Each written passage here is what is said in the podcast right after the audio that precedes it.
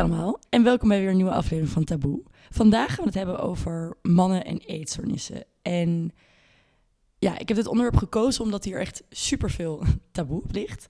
Ehm, er is best wel weinig, nee, er is niet weinig bekend over mannen met eetstoornissen, maar het komt gewoon niet zo eh, veel voor. En dat komt vaak omdat ja, mannen het zelf ook niet helemaal doorhebben, omdat ik heb het natuurlijk wel echt al veel gehad over hoe de afvalcultuur voor vrouwen eruit ziet, maar voor mannen is dat natuurlijk weer heel anders.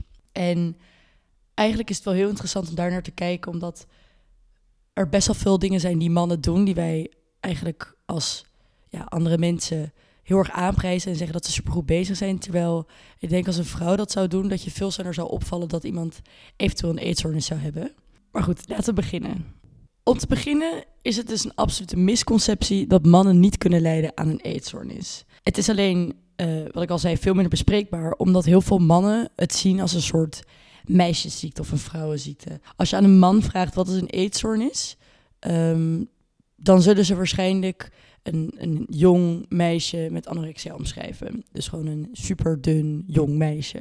En ergens is het ook al te begrijpen. Ik denk dat heel veel mensen niet goed genoeg geschoold zijn om te weten wat alle verschillende eetstoornissen zijn en hoe zich dat uit. En ja, anorexia is gewoon de meest bekende, veel voorkomende en iets wat je vaak gelijk aan iemand ziet. Dus dat is eigenlijk wat heel veel mensen in hun hoofd hebben als ze aan een eetstoornis denken. En ja, eigenlijk denken wij dus ook gelijk, althans als ik voor mezelf spreek, als ik aan een eetstoornis denk, denk ik zelf ook echt eerder aan uh, dat beeld. Dus zo'n jong anorexia zeg maar, wat een meisje is en niet per se aan een jongen. En bij mannen hangt er dus ook echt heel veel schaamte om. Dus zij vinden het heel moeilijk om ervoor uit te komen dat ze een eetprobleem zouden hebben.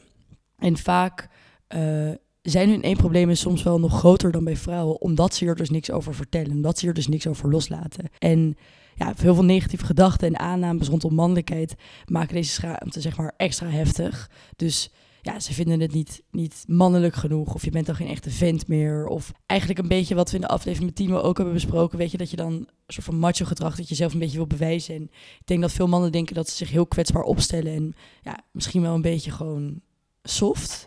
En daarom is het in deze tijd eigenlijk ook nog een heel groot taboe. Toen ik uh, me ging voorbereiden op deze aflevering, heb ik best wel veel online interviews gelezen. Ehm, ik zal even wat linkjes in de show notes zetten, want het is oprecht heel leuk om, althans leuk, het is oprecht heel interessant om er naar te kijken. En um, er was een specialist en die zei dat hij denkt dat het taboe groter is dan de ziekte zelf. Dus uh, ondanks dat mannen met e-problemen, dat dat wel een serieus probleem is, dat vaak de ernst van het probleem minder heftig is dan het feit dat ze het er niet over kunnen hebben. En sommige mannen lopen hier echt jaren mee rond. En ze herkennen de symptomen simpelweg gewoon niet, omdat ze niet goed weten hoe die andere eetstoornissen eruit zien. En die symptomen uiten zich vaak ook van net iets anders dan bij vrouwen. De reden waarom die symptomen zich zo anders uiten, komt natuurlijk omdat mannen een ander ideaalbeeld hebben dan vrouwen voor uh, het zogenaamde perfecte lichaam.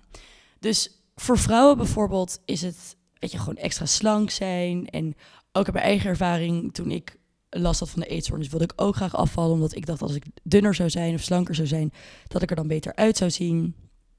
Maar voor mannen is dat niet per se zo. Mannen hebben vaak wel dat ze gewoon heel graag ja, gespierd willen zijn. Dus niet dat per se iedereen dit nastreeft, maar bijvoorbeeld een sixpack hebben of brede armen, brede schouders, gespierde rug. Nou, noem maar op. Dat is vaak een doel voor mannen. Dus gespierd zijn. En als een man er dus naar streeft om in zijn ogen een perfect lichaam te krijgen, gaat hij heel veel trainen. En nou, wat doen wij als een man om ons heen heel veel traint en veel naar de gym gaat en weet ik het allemaal? Dan zeggen wij eigenlijk allemaal, ikzelf ook, dat hij goed bezig is. Terwijl bij vrouwen gaan de alarmbellen echt veel sneller af, omdat je gewoon ziet dat ze uh, dunner worden. En dan, ja, dan, dan heb je dat gewoon veel sneller door. Dus eigenlijk is het best wel een gekke situatie. Stel, stel je hebt een vriend en een vriendin van je en allebei zijn ze bezig met hun lichaam. En uh, opeens gaan ze allebei vijf dagen week naar de sportschool en let ze opeens heel erg op hun eten. Waarschijnlijk, nou, ik weet in ieder geval echt wel van mezelf, dat ik echt veel meer geneigd zou zijn bij mijn vriendin van, oh weet je, gaat het wel goed, pas je wel op, geniet je ook nog wel een beetje van het leven, weet je wel, uh, kijk uit dat je er niet in doorstaat. En dat ik bij een jongen of bij die vriend dan echt wel minder inderdaad zo snel zou hebben van, oh, uh, weet je wel, ga, gaat het wel goed? Eh, zorg je ervoor dat het, dat het niet leidt tot een soort eetstoornis. En dat is best wel gek. Het is best wel gek dat wij mannen best wel vaak zeg maar, de hemel in prijs voor het feit dat ze zo op hun lichaam gefocust zijn en zo van sporten zijn en eiwitshakes en proteïne en nou, noem maar op. Terwijl als een vrouw dat doet, dat best wel gauw al ja, de alarm willen af laat gaan. En het is daarom dus ook best wel lastig om te herkennen of iemand even gefocust is op zijn lichaam. Dus ik zeg niet dat als iemand zich even, weet ik veel, stel iemand wil gewoon even op zichzelf focussen en die gaat een tijdje inderdaad gezonder eten, beter sporten, misschien minder drinken en zo. Ik zeg niet dat als iemand dat doet, dat dat altijd ongezond is. Absoluut niet. Het kan ook zijn dat iemand dat gewoon even wil. Misschien heb je, ben je heel erg uit je routine geweest. Wil je een beetje regelmaat. Wil je gewoon een beetje opletten wat je, ja, wat je naar binnen uh, brengt. En, en dat je een beetje fit voelt. Maar daardoor is het dus heel lastig te zien of iemand dat eventjes doet. Of daar compleet in doorslaat. Ook jongens en mannen die zeg maar, bepaalde sporten beoefenen. Waarbij ze uh, dan slank moesten zijn voor ja, omdat ze een prestatievoordelen ervoor hebben, die hebben ook vaak ja, sneller last hiervan en het is moeilijker bij hun te herkennen. Dus ik heb het dan bijvoorbeeld over uh, dansers, turners, worstelaars, lopers, dat soort mensen. Daar is gewicht heel belangrijk bij, of dat nou een hoog of een laag gewicht is.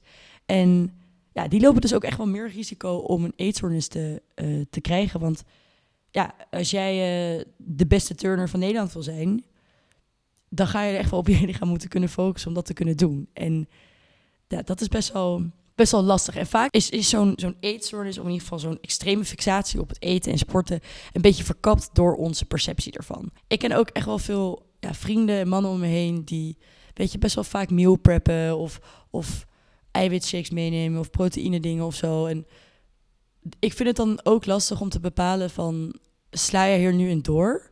Of ben je gewoon gezond bezig? Want best wel veel mannen hebben namelijk last van orthorexia, heet dat. Dat is geen anorexia. Best wel weinig mannen hebben namelijk last van anorexia. Niet geen, maar het zijn er wel echt aanzienlijk minder. Maar veel meer hebben er last van orthorexia. En als je nog nooit van orthorexia hebt gehoord, had ik ook niet, dus maak je geen zorgen. Um, orthorexia betekent eigenlijk dat je 24 uur per dag bezig bent met verantwoord en gezond eten. Je hebt het gevoel, zeg maar, dat je gezond moet eten. Dus alle ongezonde producten vind je eng en doe je niet. Dus het is een obsessie met extreem gezond eten maar ook een angst voor ongezond eten. En um, orthorexia is vaak een onderdeel van een andere eetstoornis. Je kan geen orthorexia-diagnose krijgen, uh, die bestaat niet. Even in hele nette termen. Orthorexia nervosa is geen aparte diagnostische categorie in het handboek voor klassificatie van psychische aandoeningen. Even een hele mond vol. Maar dat betekent dat deze eetstoornis niet als een op zichzelf staande psychische stoornis wordt gezien, maar wel vaak als onderdeel van een andere eetstoornis.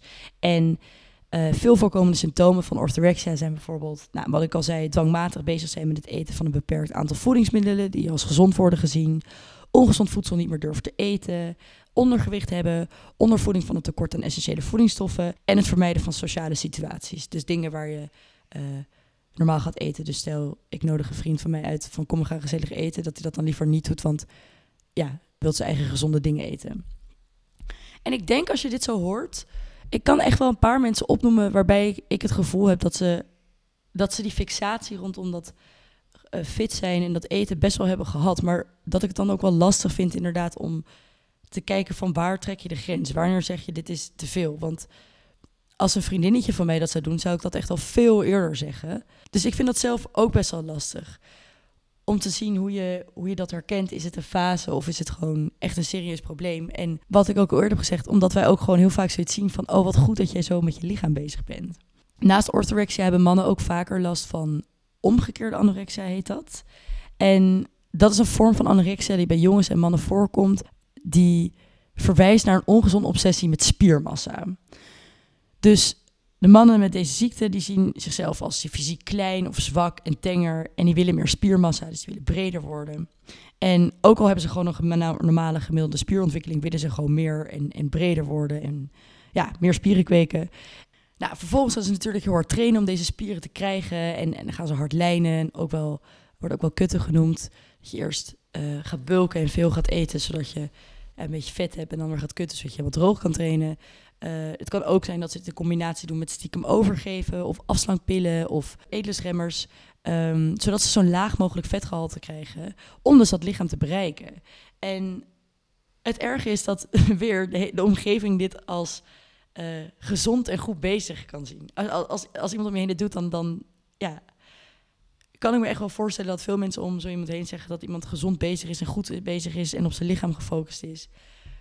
Maar eigenlijk is het gewoon, ja, in die zin een beetje hetzelfde als anorexia. Toen ik een eetstoornis had, woog ik ook veel minder en dat zag ik niet. Als ik in de spiegel keek, zag ik gewoon hoe ik er nu uitzie. En ik denk nu 15 kilo meer dan dat ik toen woog. Ehm, maar dat is hetzelfde voor mannen. Die kijken dan in de spiegel en die zien dan een heel tenger iemand. Terwijl ze eigenlijk gewoon ontzettend afgetraind zijn. En het is denk ik nooit genoeg. En het, het zal nooit, weet je, altijd meer en altijd meer. Dus in die zin is het in essentie dus hetzelfde. Het heet dus omgekeerde anorexia. Maar toch zien wij als omgeving dat dan weer als gezond. En dat vind ik zo interessant om te zien. En ik denk dat, wat ik al zei, er is zo weinig scholing over, zo weinig informatie over. En ik denk dat als jongen zijn, als iedereen om je heen ook maar zegt dat je goed bezig bent, ongeacht hoe ongelukkig je dus in je hoofd bent met deze obsessie van eten, ehm, dat je ook gaat geloven dat je goed bezig bent. Omdat, omdat niemand tegen je zegt dat het niet goed is wat je doet. En ik denk dat bij meiden dat gewoon veel sneller onderschept wordt. En ik zeg niet dat dat opeens makkelijker is. Maar ik denk dat het voor mannen wel echt moeilijker is om hiervoor uit te komen. Omdat ze hun gevoel waarschijnlijk niet eens herkennen of erkennen. Dat ze doorhebben wat dit is en dat het ongezond is. Omdat ja, wij het in de maatschappij zo verheerlijken wat zij doen. Ja, ik wilde ook nog even zeggen dat de mannelijke groep, in ieder geval in Nederland, uh, wel echt aanzienlijk kleiner is dan de vrouwelijke groep. Dus het is inderdaad niet zo dat dat, dat, dat 50-50 gelijk opgaat. Er zijn echt wel minder mannen die dit hebben. Maar dat kan natuurlijk ook komen omdat mannen er dus niet voor uitkomen of niet doorhebben dat ze het hebben. Het kan best wel zijn dat deze groep een stuk groter is in de werkelijkheid dan dat we weten. Want in Nederland leidt naar schatting 10% van de hele bevolking aan een eetstoornis. Dat is van iedereen. Van deze 10%, dus van deze hele groep mensen, is 5% man. Dus dat zijn oprecht ook echt wel heel veel minder mannen natuurlijk. En uh, er zijn meer vrouwen dan mannen die aan anorexia en bulimia lijden, wat ik al eerder zei. Um, maar een eetbuisstoornis komt ongeveer wel evenveel voor bij mannen als bij vrouwen. En ja, zo'n 4% van Nederland ontwikkelt en, uh, deze eetstoornis op een bepaald moment in zijn, zijn of haar leven. De naam zegt het eigenlijk al, maar bij een eetbuisstoornis horen flinke eetbuien waarover iemand geen controle heeft. Vaak wordt er binnen een korte tijd maximaal een half uur. Ik heb eerder volgens mij in de podcast gezegd dat ik dacht dat het een uur was. Maar uh, ja, kleine rectificatie, dat is dus maximaal een half uur.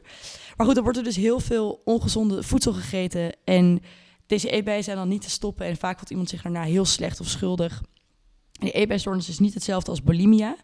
Iemand met een eetbuisstoornis compenseert de eetbuien namelijk niet. Uh, door extreem veel te sporten of om over te geven. Dus iemand met een eetbuisstoornis komt vaak ook gewoon veel aan. Omdat er alleen maar heel veel eten ingaat en die persoon niet de drang heeft uh, om dat te compenseren. Waarbij bulimia dat natuurlijk wel echt zo is. En ik vind het eigenlijk best wel interessant om te zien dat evenveel mannen als vrouwen hier aan lijden. Ik denk ook niet, ja, ik ben er ook niet voor geschoold, dus ik zou hier ook niet per se een conclusie op kunnen trekken. Maar ik vind het ook best wel lastig om daar te denken van hoe, hoe dat dan komt. Er hoeft natuurlijk niet altijd een oorzaak te zijn. Het is vaak een samenloop van omstandigheden. Het kunnen echt verschillende dingen zijn. Het kan aanleg zijn, opvoeding, negatieve ervaringen, bepaalde trauma's, cultuur, media. Uh, ingrijpende gebeurtenissen kunnen een soort van grondslag zijn uh, van het verder ontwikkelen van de eetstoornis. Dus ik denk ook niet dat er altijd een oorzaak hoeft te zijn of een logische verklaring. Maar een eetbuisstoornis is gewoon een psychische aandoening. En um, ja, zo'n aandoening boeit het echt niet of jij een man of een vrouw bent. En ik denk ook de reden waarom we dat misschien dat, dat zelfs met zo'n eetbuisstoornis wat minder snel bij mannen zien, is omdat wij, ja, ik wil niet weer zeggen wij als maatschappij, want misschien is dat helemaal niet zo. Misschien spreek ik gewoon alleen voor mezelf, maar um, mijn, de omgeving waar ik in zit, laat ik het zo zeggen, vaak veel meer let op hoe uh, op het gewicht van vrouwen dan op mannen. Dus als mannen wat meer aankomen, wat ik ook eerder heb verteld, um, dat ideaalbeeld voor mannen natuurlijk is gespierd in een sixpack allemaal enig, maar het ideaalbeeld voor mannen, zeg maar voor een volwassen man, is af en toe ook gewoon wat zwaarder. Hoeft niet helemaal afgetraind te zijn. Dat is in, als het nog steeds een hele normale perceptie van een man. En ik denk daardoor, als zo'n man uh, veel aankomt uit van zo'n eetbijstoornis, dat dat echt wel langer duurt voordat dat ons uh, opvalt, of de omgeving opvalt, dan dat dat bij een vrouw zou zijn. Omdat die obsessie voor slank zijn er niet zo heftig oplicht voor, um, voor mannen. Want een eetbui is best wel echt iets heftigs. En dat is, je hebt er geen controle over. Het overkomt je, zeg maar. Dus ik kan me voorstellen als man zijnde dat je misschien niet zo goed weet... dat je bijvoorbeeld zo'n orthorexia hebt... of uh, zo'n omgekeerde anorexia, omdat je gewoon niet weet dat het bestaat. Maar met zo'n, en dan ben je gewoon met een bepaalde obsessie bezig. Dus misschien kruipt dat er een beetje in. Maar met een eetbui, dat overkomt je. En dat kan er ook een beetje insluipen. Maar ja, je zit dan in zo'n, uit mijn ervaring zit je dan in zo'n andere headspace. Dus ik heb dan het idee dat je dan wel misschien sneller door hebt van... hé, hey, dit is volgens mij niet helemaal normaal. Maar goed, dat is alleen maar speculatie van mij. Um, ja, deze aflevering is sowieso gewoon een beetje... Uh, ik kon niet echt mijn eigen ervaring delen, alleen een beetje uit mijn perceptie van deze wereld. Ik vond het super interessant. Ik wil graag zeggen dat ik er meer op ga letten bij mijn mannelijke vrienden, vooral die veel sporten. Maar ja, ik vind het heel moeilijk inderdaad om die grens te leggen. Maar open het gesprek gewoon. Ik denk dat dat het beste tip is en ik denk dat ik dat zelf ook meer wil doen. Open het gesprek gewoon met die vrienden die zo vaak gaan sporten, wiens hele leven daarom draait. Van joh, ik vind het echt, weet je, ik vind het super knap dat je zo gefocust bent op je lichaam. En ik vind het heel mooi om te zien dat je zo dedicated bent om dat te, regelen of om dat te fixen. En dat is helemaal goed. Maar zit er nog wel een gezonde scheiding in? Durf jij nog wel um, een keer wel wat ongezonds te eten? Of een keer, weet je wel, de, de sportschool over te slaan? Want ja, heel eerlijk, maak maar een keer een before- en after foto. Ik snap dat het niet zo voelt, maar als je elke dag naar de gym gaat en je maakt nu een foto en je gaat een week op vakantie, je eet alles waar je zin in hebt en je sport die week niet en je maakt daarna weer een foto, zie je echt zo weinig verschil. Dat, dat voelt als een heel groot verschil. Het voelt waarschijnlijk alsof je heel veel hebt losgelaten, maar dat is gewoon oprecht niet zo. Dat kan niet. Jij hebt jaren, maanden, uren, minuten in dat lichaam gestoken. Dat kan niet een week een beetje ongezond uit je routine zijn. Uh, eruit halen. En ik weet uit eigen ervaring dat dat wel zo voelt. Maar dat is niet zo. Dus ik zou zeggen, ga dat gesprek gewoon aan. Vraag die mensen. Weet je, en, en als ze dan zeggen van ja, ik wil dat gewoon echt niet zeg dan ook gewoon, oké, dat is nogmaals, dat is jouw leven. Ik ga je niet vertellen hoe jij je leven moet leiden, maar word je daar dan echt gelukkig van? Of is dat een ideaalbeeld wat je nastreeft, waarvan je denkt dat dat je gelukkig maakt? Ik denk dat je die gesprekken echt wel goed kan voeren en ook echt op de taboe tone voice. Dus ook gewoon, weet je wel, normaal gesprek. Het hoeft niet per se zo heftig te zijn, maar ja, ga het eens vragen. Misschien komen we er samen wel achter dat er veel meer jongens om ons heen meer hulp nodig hebben dan, dan dat we dachten. En ja, dat is eigenlijk ook helemaal geen probleem. Dat was hem alweer voor deze week. Ik heb het gevoel dat we eigenlijk heel snel doorheen gingen, maar we zitten eigenlijk alweer op 20 minuten. Ik zal alle websites, alle interviews die ik heb gelezen uh, voor deze aflevering in de show notes zetten. Ik vond het echt een aanrader. Ik vond het super interessant om hierover te, uh, ja, eigenlijk naar te lezen. En ik denk dat heel veel meer mensen dit ook wel een interessant onderwerp zullen vinden. Volgende week ben ik weer terug met een solo-episode. Ik ga nog even niet verklappen waar die over gaat. Maar binnenkort heb ik ook weer veel uh, interviews op de planning staan voor hele andere onderwerpen. En um, ja, daar heb ik super veel zin in. Mocht jij dus nog een onderwerp heel graag willen horen, wil je, iets, wil je iets horen wat ik wil bespreken, en dat mag van alles zijn wat een taboe is volgens jou, stuur dat dan alsjeblieft door naar de Instagram, taboe.podcast. Uh, volg ook even de Instagram, like mijn post, dan blijf je namelijk lekker up-to-date van ja, nieuwe snippets als die online komen voor een podcast of als het nieuws geüpload is. Uh, zorg dat je me volgt op Spotify. Geef me vijf sterren als je het leuk vond. En dan zie ik jullie weer volgende week.